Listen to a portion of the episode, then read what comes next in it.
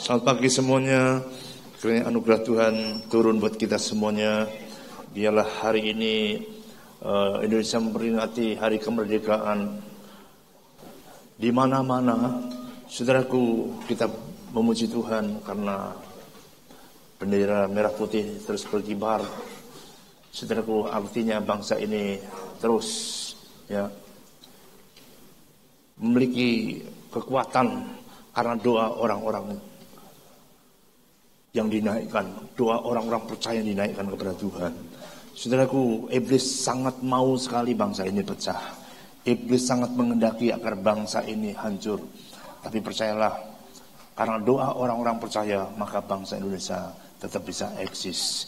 Kita doa ke depan, agar terus bukan cuma eksis, bukan cuma diberkahi Tuhan, biarlah bangsa ini, saudaraku, boleh ya, menerima anugerah keselamatan daripada Tuhan Yesus Kristus. Mari Bapak Ibu kita buka firman Tuhan di dalam Matius pasal 28. Kita baca bersama-sama Matius pasal 28 ayat 18 sampai dengan ayat 20. Kita baca bersama-sama Matius pasal 28 ayat 18 sampai dengan 20. 3 4. Yesus mendekati mereka dan berkata, Kepadaku telah diberikan segala kuasa di surga dan di bumi. Karena itu pergilah, jadikanlah semua bangsa muridku dan baptislah mereka dalam nama Bapa dan Anak dan Roh Kudus. Dan ajarlah mereka melakukan segala sesuatu yang telah kuperintahkan kepadamu. Dan ketahuilah, aku menyertai kamu senantiasa sampai kepada akhir zaman. Boleh katakan amin saudara.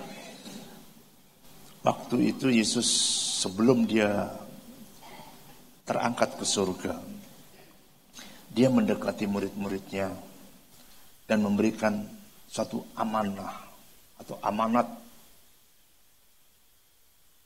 Beda perintah dengan amanat. Yesus memberikan perintah, perintah agung. Kasihilah Tuhan Allahmu dengan segenap hatimu segenap jiwamu dan segenap kekuatanmu. Dan kasihlah sesama manusia seperti dirimu sendiri. Itu Yesus sampaikan selagi dia baru uh, melayani dalam kapasitas waktu dia habis dibaptis, lalu dia mengajar murid-muridnya dan perintah ini yang disampaikan kepada murid-muridnya. Tetapi beda dengan Matius pasal 28, ini dia sampaikan sebelum dia naik surga. Berarti ada sesuatu uh, amanah itu suatu pesan yang ditinggalkan oleh seorang yang akan pergi dan di dalam pesan itu ya itu mengandung satu nilai permintaan yang harus dikabulkan dan tidak bisa tidak dan harus dilakukan dengan sungguh-sungguh. Nah, saudaraku kalau tidak tentu saja ada akibatnya. Kita lihat saja bagi saudara yang bekerja di kantor, di perusahaan. Ketika bos saudara memberikan perintah pada karyawannya, atau kalau saudara seorang bos, seorang pimpinan, sudah memberikan perintah pada bawahan saudara, lalu perintah itu tidak dilakukan, saya tidak bisa bayangkan apa yang diberikan, eh, sanksi apa yang akan dilakukan bos pada karyawan yang tidak menjalankan perintahnya. Saya percaya ketika ada karyawan, ketika eh, bosnya perintahkan, dia tidak mau menjalankan perintah, tidak bisa bos. Ya.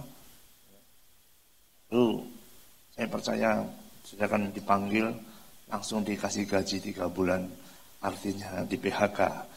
Sebab itu perintah kenapa tidak lakukan. Apalagi Saudara yang ada di instansi keamanan. Ketika komandan memerintahkan. Apel pagi, jam 6 pagi. ya Itu tidak bisa ada yang melanggar. Mesti datang apa pun kondisinya. Ketika dilanggar, pasti ada sanksinya. Saudara bisa bayangkan ya, sedangkan pimpinan dalam dunia, ya demikian kalau dilanggar pimpin, eh, perintah itu, itu mendapatkan sanksi. Saudaraku siapa yang memerintahkan? Kalau saudaraku baca uh, ayat yang ke-18, kepadaku telah diberikan segala kuasa di surga dan di bumi. Yang memberikan perintah. Kita itu yang punya kuasa di surga dan di bumi. Itu yang berkuasa atas surga, berkuasa atas bumi. Nah, pribadi yang punya kuasa surga dan bumi itu memerintahkan orang yang percaya untuk pergi dan menjadikan sekalian bangsa itu murid Tuhan. Kita bersyukur bangsa ini merdeka. 74 tahun. Tapi sudahkah bangsa ini menjadi murid Kristus? Saya nanti akan mengerti. Artinya nilai-nilai murid Kristus itu mesti ada. Saudara, dan perintah atau amanat agung dari Tuhan Yesus Kristus supaya kita pergi menjadikan sekalian bangsa itu murid. Bukan orang Kristen. Tetapi murid Kristus. Sekarang pertanyaannya, bagaimana bangsa ini bisa menjadi murid Kristus kalau kita belum jadi murid Kristus? Kalau kita baru jadi orang Kristen, Tuhan mau kita ini harus di-upgrade. Bukan cuma orang Kristen, tapi menjadi murid Kristus. Boleh katakan amin, saudara.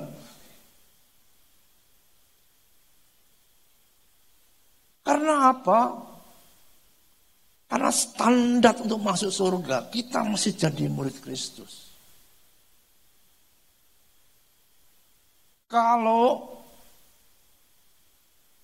orang percaya Yesus,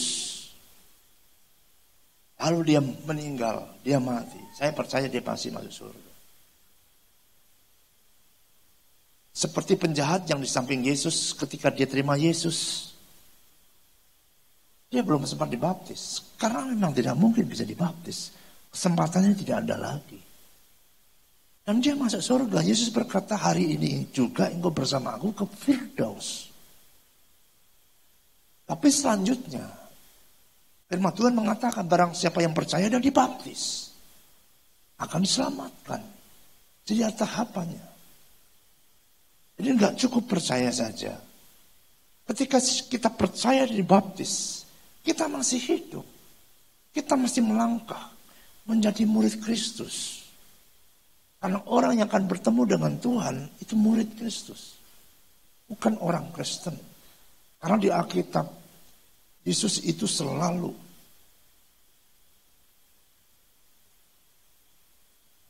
pergi ke daerah-daerah, memberitakan Injil, lalu mereka menjadikannya itu murid. Ketika Yesus pergi ke Galilea, dia menjumpai Petrus, menjumpai Andreas, menjumpai Filipus dan lain sebagainya. Lalu Yesus sudah menjadikan mereka-mereka itu muridnya. Maka murid-murid memanggil Yesus itu guru, ya rabi, ya guru. Dan Yesus mengajar kepada mereka. Karena murid itu mesti belajar. Mau belajar, mau diajar dan mempraktekkan apa yang gurunya lakukan. Itu murid. Yesus mengajarkan Bertobatlah karena kerajaan Allah sudah dekat. Supaya orang-orang yang percaya bertobat. Yesus mengajarkan supaya murid-muridnya, orang-orang yang percaya tadi, untuk bisa di murid Yesus, akan mengajarkan berdoa. Jika kamu berdoa, janganlah seperti orang Parisi yang berdiri di persimpangan jalan, yang berlutut di persimpangan jalan, supaya orang banyak melihat. Aku berkata kepadamu, jikalau kamu berdoa, masuklah ke kamar dan pintulah, uh, kuncilah pintu itu, uh, kamar itu. Lalu berdoalah pada Bapamu di surga yang tidak kelihatan, yang akan mengabulkan doa. Dia mengajarkan orang-orang yang percaya untuk berdoa dan Yesus memberikan contoh. Dia berdoa. Maka pada pagi-pagi buta. Yesus naik ke gunung untuk berdoa. Yesus sendiri berdoa. Dan murid-murid sendiri itu berdoa. Saudaraku, ini murid orang Kristen mesti berdoa. Murid Yesus mesti mau berdoa. Kalau orang Kristen nggak mau berdoa, itu bukan murid Yesus. Karena Yesus mengajarkan untuk berdoa. Saya tidak tahu sekarang ini. Sudah punya kehidupan doa bagaimana? Kalau sudah cuma ke gereja saja, lalu sudah tidak punya kehidupan doa. Wah, status saudara, standar saudaraku baru orang Kristen saja. Kalau kita murid Kristus, kita melakukan apa yang Yesus ajarkan. Yesus mengajarkan supaya kita berdoa. Orang Kristen tidak berdoa. Yesus mengajarkan tentang puasa.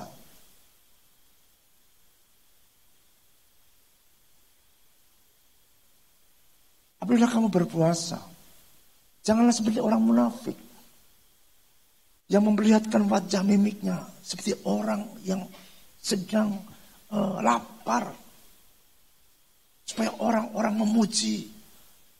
Aku berkata kepadamu sesungguhnya kamu sudah mendapatkan upahnya. Tetapi jika kamu berpuasa, menyailah rambutmu. Biar wajahnya berseri-seri.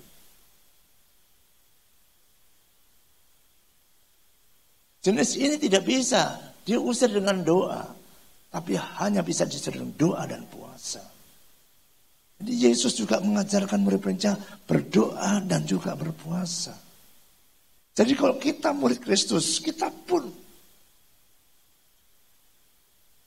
mempraktekkan apa yang guru kita lakukan. Kita mesti jadi orang Kristen berdoa dan juga berpuasa. Sampai-sampai saya baca artikel. Yesus itu rupanya muslim. Karena Yesus rupanya berpuasa. Berarti dari pernyataan itu orang Kristen tidak berpuasa. Kami yang muslim berpuasa. Dan Yesus itu berpuasa. Berarti Yesus itu muslim. Sampai muncul statement itu. Ini saking saking terlalunya orang Kristen tidak mau sudah kalau menjadi murid Yesus. Yesus ini juga berpuasa. Dia berpuasa 40 hari. Bahkan tidak makan dan tidak minum. Nah kita ini di dalam menghadapi hidup sekarang ini banyak masalah, banyak sekali persoalan yang nggak bisa kita atasi lewat doa saja, nggak cukup. Mesti dengan kekuatan, dengan puasa. Baru masalah itu bisa diatasi, baru persoalan itu bisa diatasi. Nah Bapak Ibu dan Saudaraku, ketika saya memutuskan, setelah saya berdoa lalu saya putuskan, Gedung di Jambi yang kita beli itu kan belum diresmikan.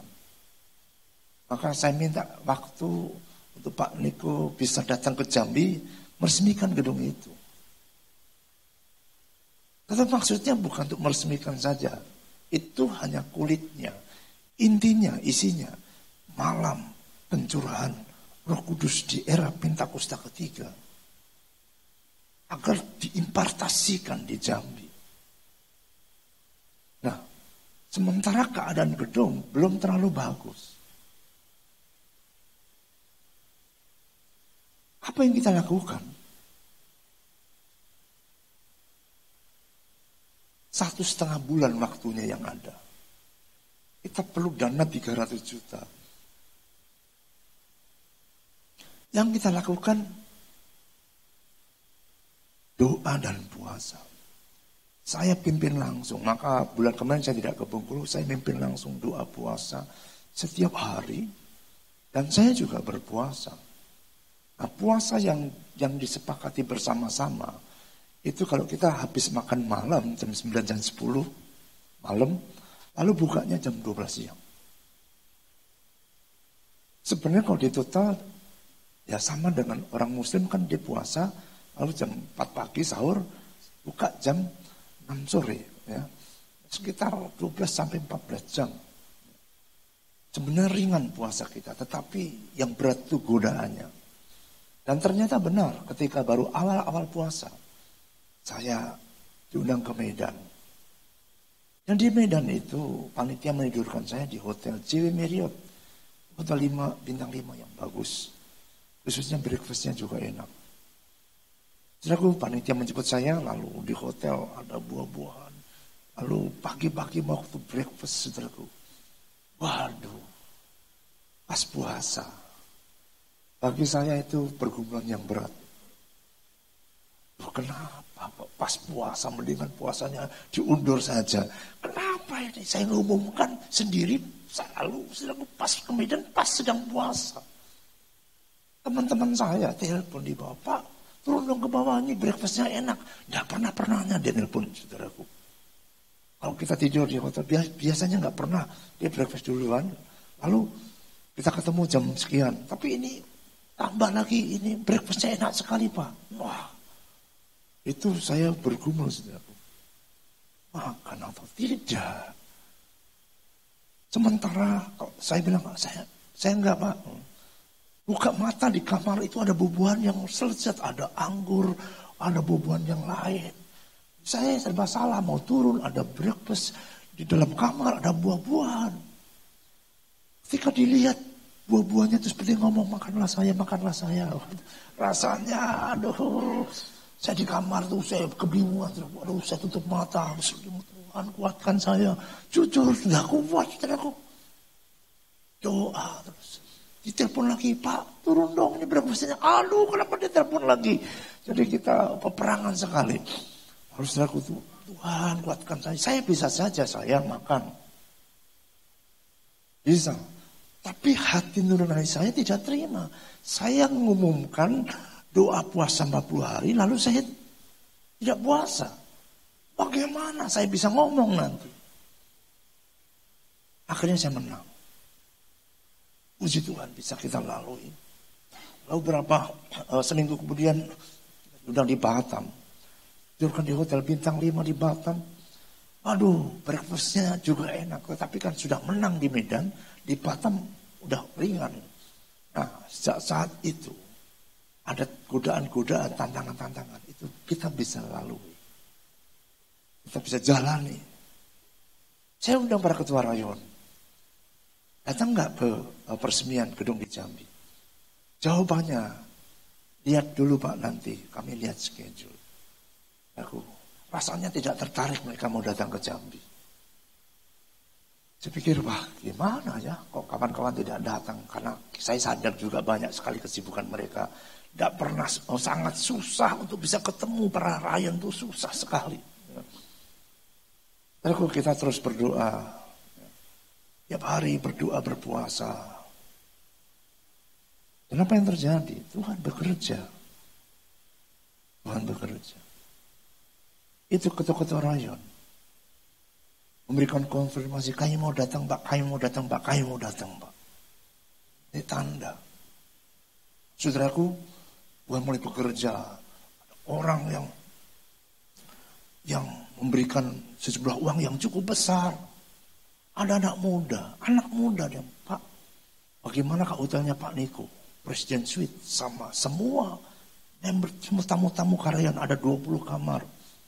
Saya yang bayar Pak. Saya kaget. Loh, ini anak muda cuma seorang karyawan loh. Menghandle biaya yang cukup besar. Pak, ada yang lagi kasih tahu Pak, kami Nanti makan yang di restoran ini biar saya semua yang handle. Saya jadi heran. Kenapa ini? Kita tahu itu dampak doa dan puasa. Yang terjadi dalam alam roh, Tuhan lakukan di alam lahiriah. Katakan amin, berikan tepuk tangan bagi Tuhan. Jadi ketika kita berdoa dan berpuasa mempraktekkan apa yang Yesus ajarkan, itu dampaknya luar biasa.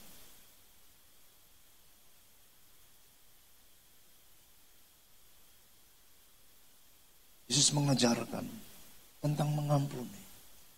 Petrus berkata, Ya guru, berapa kalikah Kami harus mengampuni orang yang bersalah kepada kami tujuh kali kah? Yesus berkata kepadamu, bukan tujuh kali, tapi tujuh puluh tujuh kali, tujuh kali, kali tujuh puluh kali.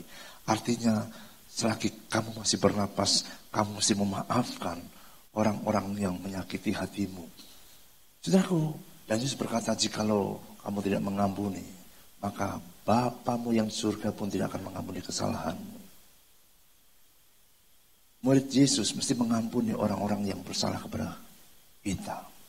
Kalau orang Kristen masih membenci, itu belum bukan murid Kristus. Karena kondisi hati kita menentukan Tuhan mau pakai kita atau tidak, Tuhan mau berkati kita atau tidak. Maka tugas kita melepaskan pengampunan. Tewaskanlah kejahatan dan kebaikan. Jika kamu berbuat baik pada orang yang berbuat baik kepada kamu, apa bedanya dengan orang kafir, orang yang tidak mengenal Allah? Mereka pun bisa melakukan itu. Aku berkata kepadamu, kalahkanlah kejahatan dan kebaikan. Karena dengan demikian, kamu sedang menaruh bara api ke atas orang itu. Jika orang itu bertobat, maka bara api akan diangkat. Jika orang itu tidak bertobat, maka bara api itu akan jadi penghukuman atas orang itu. Janganlah kamu menghakimi sesamamu karena aku yang berhak. Aku yang menghakimi mereka. Jadi Yesus itu punya ajaran luar biasa. Ajarannya keren. Luar biasa. Kenapa kita tidak tidak melakukan? Kalau kita lakukan tuh itu indah sekali. Itu nilai yang yang dibawa Yesus dari surga lalu dibagikan kepada murid-muridnya agar murid-muridnya saudaraku mereka memiliki karakter Kristus. Artinya kita menadani Yesus itu bukan menadani oh kita pakai jubah lalu Yesus rambutnya panjang kita buat panjang oh Yesus jongnya manjung kita operasi hidung lalu kita manjungin Oh, bukan seperti itu, saudaraku. Tapi ajarannya, perintahnya yang mesti kita lakukan. Jujur begini ya, saudara. Sejak manusia jatuh ke dalam dosa, sejak manusia jatuh ke dalam dosa, perhatikan. Maka manusia tidak serupa dengan manusia tidak segambar dengan Allah lagi. Allah tidak kenal manusia.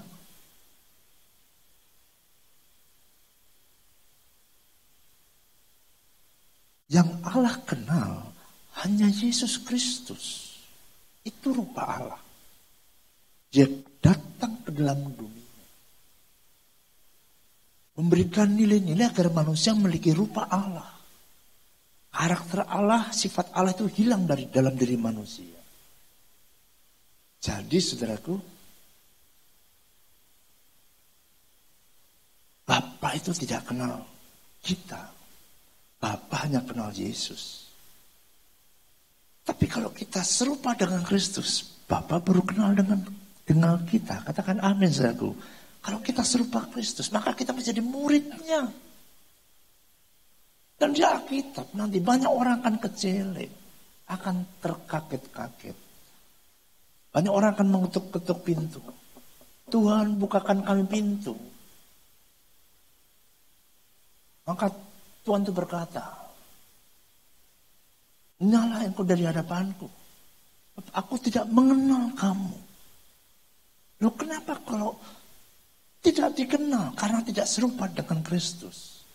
Bukan setiap orang yang berseru aku Tuhan, Tuhan masuk dalam kerajaan surga. Hanya orang yang melakukan kehendak Bapakku yang di surga, dia akan masuk dalam kerajaan surga. Jadi kalau kita serupa dengan Kristus, kita dikenal dengan Bapa. Caranya bagaimana supaya kita serupa dengan Kristus? Bukan wajahnya, tapi karakternya. Caranya kita mengikuti apa yang Yesus ajarkan. Nah, ya kita Bapak Ibu, ada dua yang sangat menonjol murid Kristus dan kita mesti mesti harus harus ini harus terlihat ya. Kita buka dalam kitab Yesaya pasal 40, oh, pasal 50, Yesaya pasal 50. Yesaya pasal 50.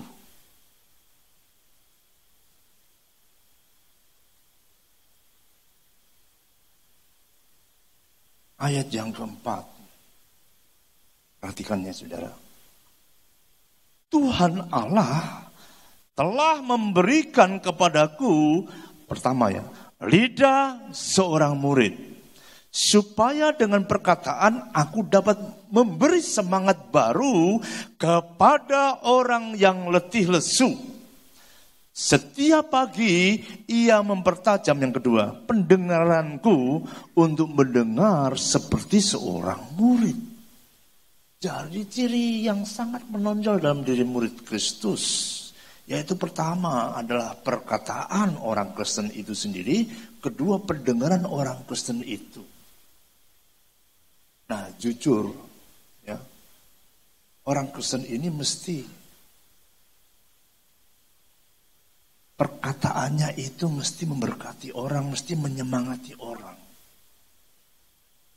Di luar ini banyak orang-orang yang letih lesu banyak orang-orang yang berbeban berat, banyak orang-orang yang putus asa, mereka tidak kuat, mereka tidak mampu, nggak sanggup lagi, mereka mundur, mereka belum percaya Yesus, mereka kalah.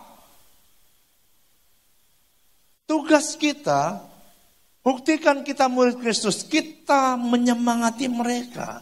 Jadi tutur kata kita ini, itu menentukan kita orang Kristen, kita murid Kristus atau bukan.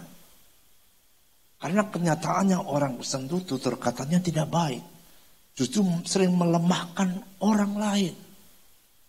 Sering mematahkan semangat orang lain. Dan itu bukan murid Kristus. Jadi murid Kristus supaya aku memiliki lidah seorang murid, supaya aku dengan perkataanku, aku dapat memberi semangat yang baru pada orang yang letih lesu. Saya tidak bisa bayangkan kalau orang sudah-sudah yang ada di tempat ini sudah memiliki lidah seorang murid. Engkau akan keluar dari gereja dan menyemangati orang-orang yang ada di kampus, yang ada di kantor, yang ada di kanan kiri saudara. Dan oleh lewat perkataanmu mereka dikuatkan. Ada semangat yang baru, ada pengharapan yang baru. Mereka bergairah lagi, mereka punya lagi harapan. Itu ciri yang harus menonjol dalam diri orang Kristen. Itu tutur katanya. Saya sepakat tidak dengan kata-kata saya. Mulut kita ini mesti kita sekolahin, saudara. Banyak orang Kristen punya intelektual tinggi. Yang mulutnya nggak disekolahin. Ngomongnya ngawur. Ngomongnya tidak membangun. Ngomongnya jahat.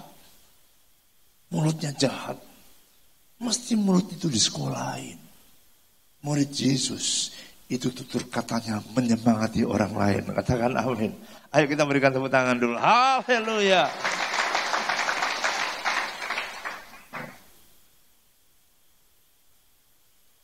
Kalau ada anakmu yang nakal di rumah, nakalnya udah tidak ketulungan lagi, Alhamdulillah nakalnya minta ampun. Kadang-kadang buat kita besar, marah. Tapi saya mau kasih tahu. Janganlah keluar kata-kata kutuk dari mulut orang tua. Sekali gue keluar, jadi. Pasti jadi. Justru bisa menahan diri. Membawanya kepada Tuhan. Nanti Tuhan punya waktu. Tuhan punya saat untuk beracara buat anak kita. Tapi kalau kita yang mengeluarkan itu bahaya. Pasti jadi. Makanya orang Kristen itu tutur katanya mesti hati-hati. Kutuk dan berkat itu ada di sini. Bukan di kerja keras, ada di sini. Kalau kita memberkati, keluarlah berkat. Kita mengutuki, keluarlah kutuk. Makanya mesti lidah kita perlu sekolah, perlu belajar, perlu disekolahin. Mari, murid Yesus yang nonjol adalah tutur katanya. Amin, saudara. Mulai sekarang mesti sudah punya arti perkataan baru, bahasa-bahasa yang baru di Alkitab. Itu bukan cuma bahasa roh, jangan salah. Itu bahasa-bahasa, di samping bahasa roh, itu bahasa-bahasa yang menyemangati. Nggak ada artinya orang berbahasa roh. Tapi kata-katanya nyakiti orang, kata-katanya melemahkan orang, itu nul. Jika kamu punya bahasa malaikat sekalipun kamu nggak punya kasih, itu tong kosong berbunyi nyaring. Nul besar. Pasti ada kata bahasa yang baru, kata-kata yang menyemangati, itulah bahasa yang baru. Kata-kata yang meneguhkan, kata-kata yang mendatangkan kebaikan.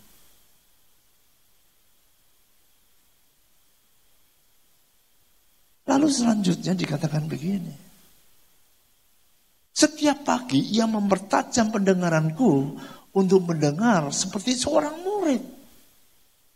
Yang kedua ciri yang mesti menonjol adalah pendengaran kita.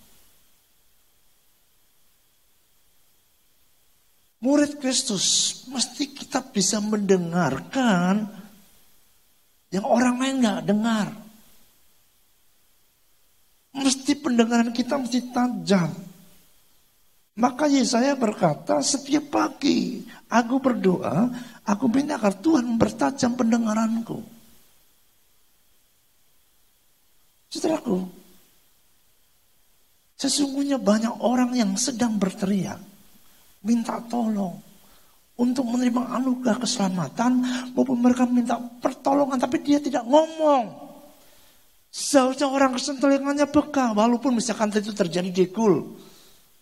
Itu di depan kita, di samping kita. Dia mungkin butuh sesuatu, saudaraku.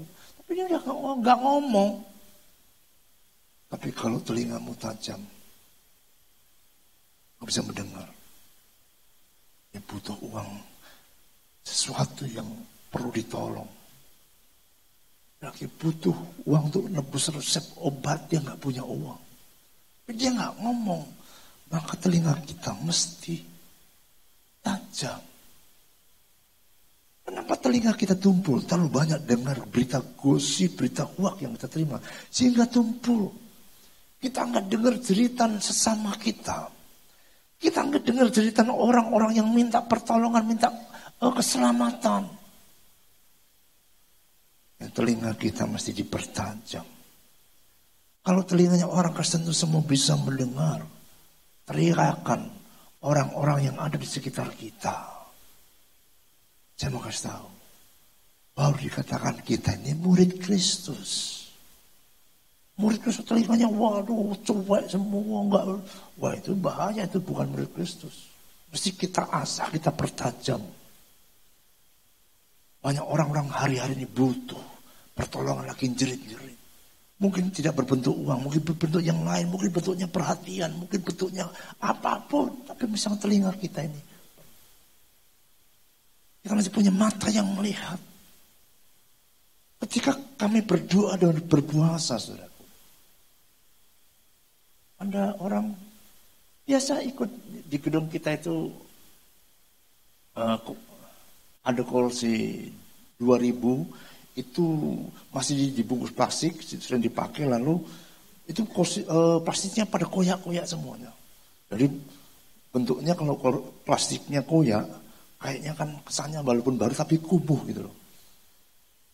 Ribuan orang lihat itu enggak apa ya biasa. Kayak di kursi yang koyak-koyak gitu ya. Itu rasanya biasa, enggak lihat.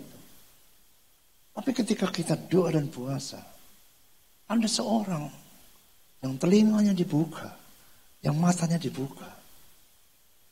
Oh, kursi ini kok jelek, padahal dia udah berpuluh-puluh kali. Dia lihat, tapi waktu ada saatnya matanya dibuka, telinganya dibuka. Kok jelek sekali aku lihat kursi itu. Tuhan ngomong, lakukan sesuatu. Lalu dia lakukan. Dia tutup toko, ada karyawan-karyawannya, ada stafnya. Pergi gedung MHCC dari dari jam 7 malam sampai jam 11 malam kopai semua ribuan kursi dibukakan Kami ada sekretariat baru. Uh, bekas panti pijat saudaraku. Ya. Sudah tahu ya Bu. Wah, Mbak Karuan tuh. Nah, kita ngurapi tempat tuh minyaknya hampir satu ember mungkin. Wah, kita urapi semuanya. Nah, lalu kita kita benerin, kita rapiin, kita tata semuanya. Nah, namanya uh, saya bilang yang bagian ini saya minta bagian ibadah sabat, ayo garap supaya ini jadi tempat yang paling bagus. Yang ini ayo saya uh, suruh bagian itu mengerjakan. Nah, saudaraku, ketika dikerjakan memang bagus, tapi lihat kok kodenya kok parah. Itu udah dipakai beribadah berbulan-bulan. Semua lihat ya biasa saja. Sesuatu ada orang lihat. Noh, tiba-tiba dibukakan. Kok kodenya kok jelek. Lalu ngomong, lakukan sesuatu. Kamu ada, kamu bisa. Dia lakukan. Jadi sesuatu dibukakan lalu dia lakukan. Itu murid Yesus mati melihat apa yang orang lain tidak lihat. Mendengar ya yang orang lain nggak dengar. Walaupun orang itu tidak teriak, kita mesti mendengarkan. Lalu kita bertindak. Itu murid Yesus. Nah, kalau semua di tempat ini menjadi murid Kristus, punya pendengaran, punya telinga yang mendengar, punya mata yang melihat, saudaraku, dan punya perkataan tutur kata yang membangun, maka saya percaya Bengkulu akan menjadi murid Kristus. Berikan tepuk tangan bagi Tuhan. Kalau gereja Tuhan sudah menjadi murid Kristus, maka bangsa ini akan menjadi murid Kristus. Karena nilai-nilai surga yang akan dicurahkan, yang akan dimanifestasikan kepada orang-orang yang ada di Indonesia ini. Saya tidak perpanjangkan firman Tuhan, tapi renungkan firman ini.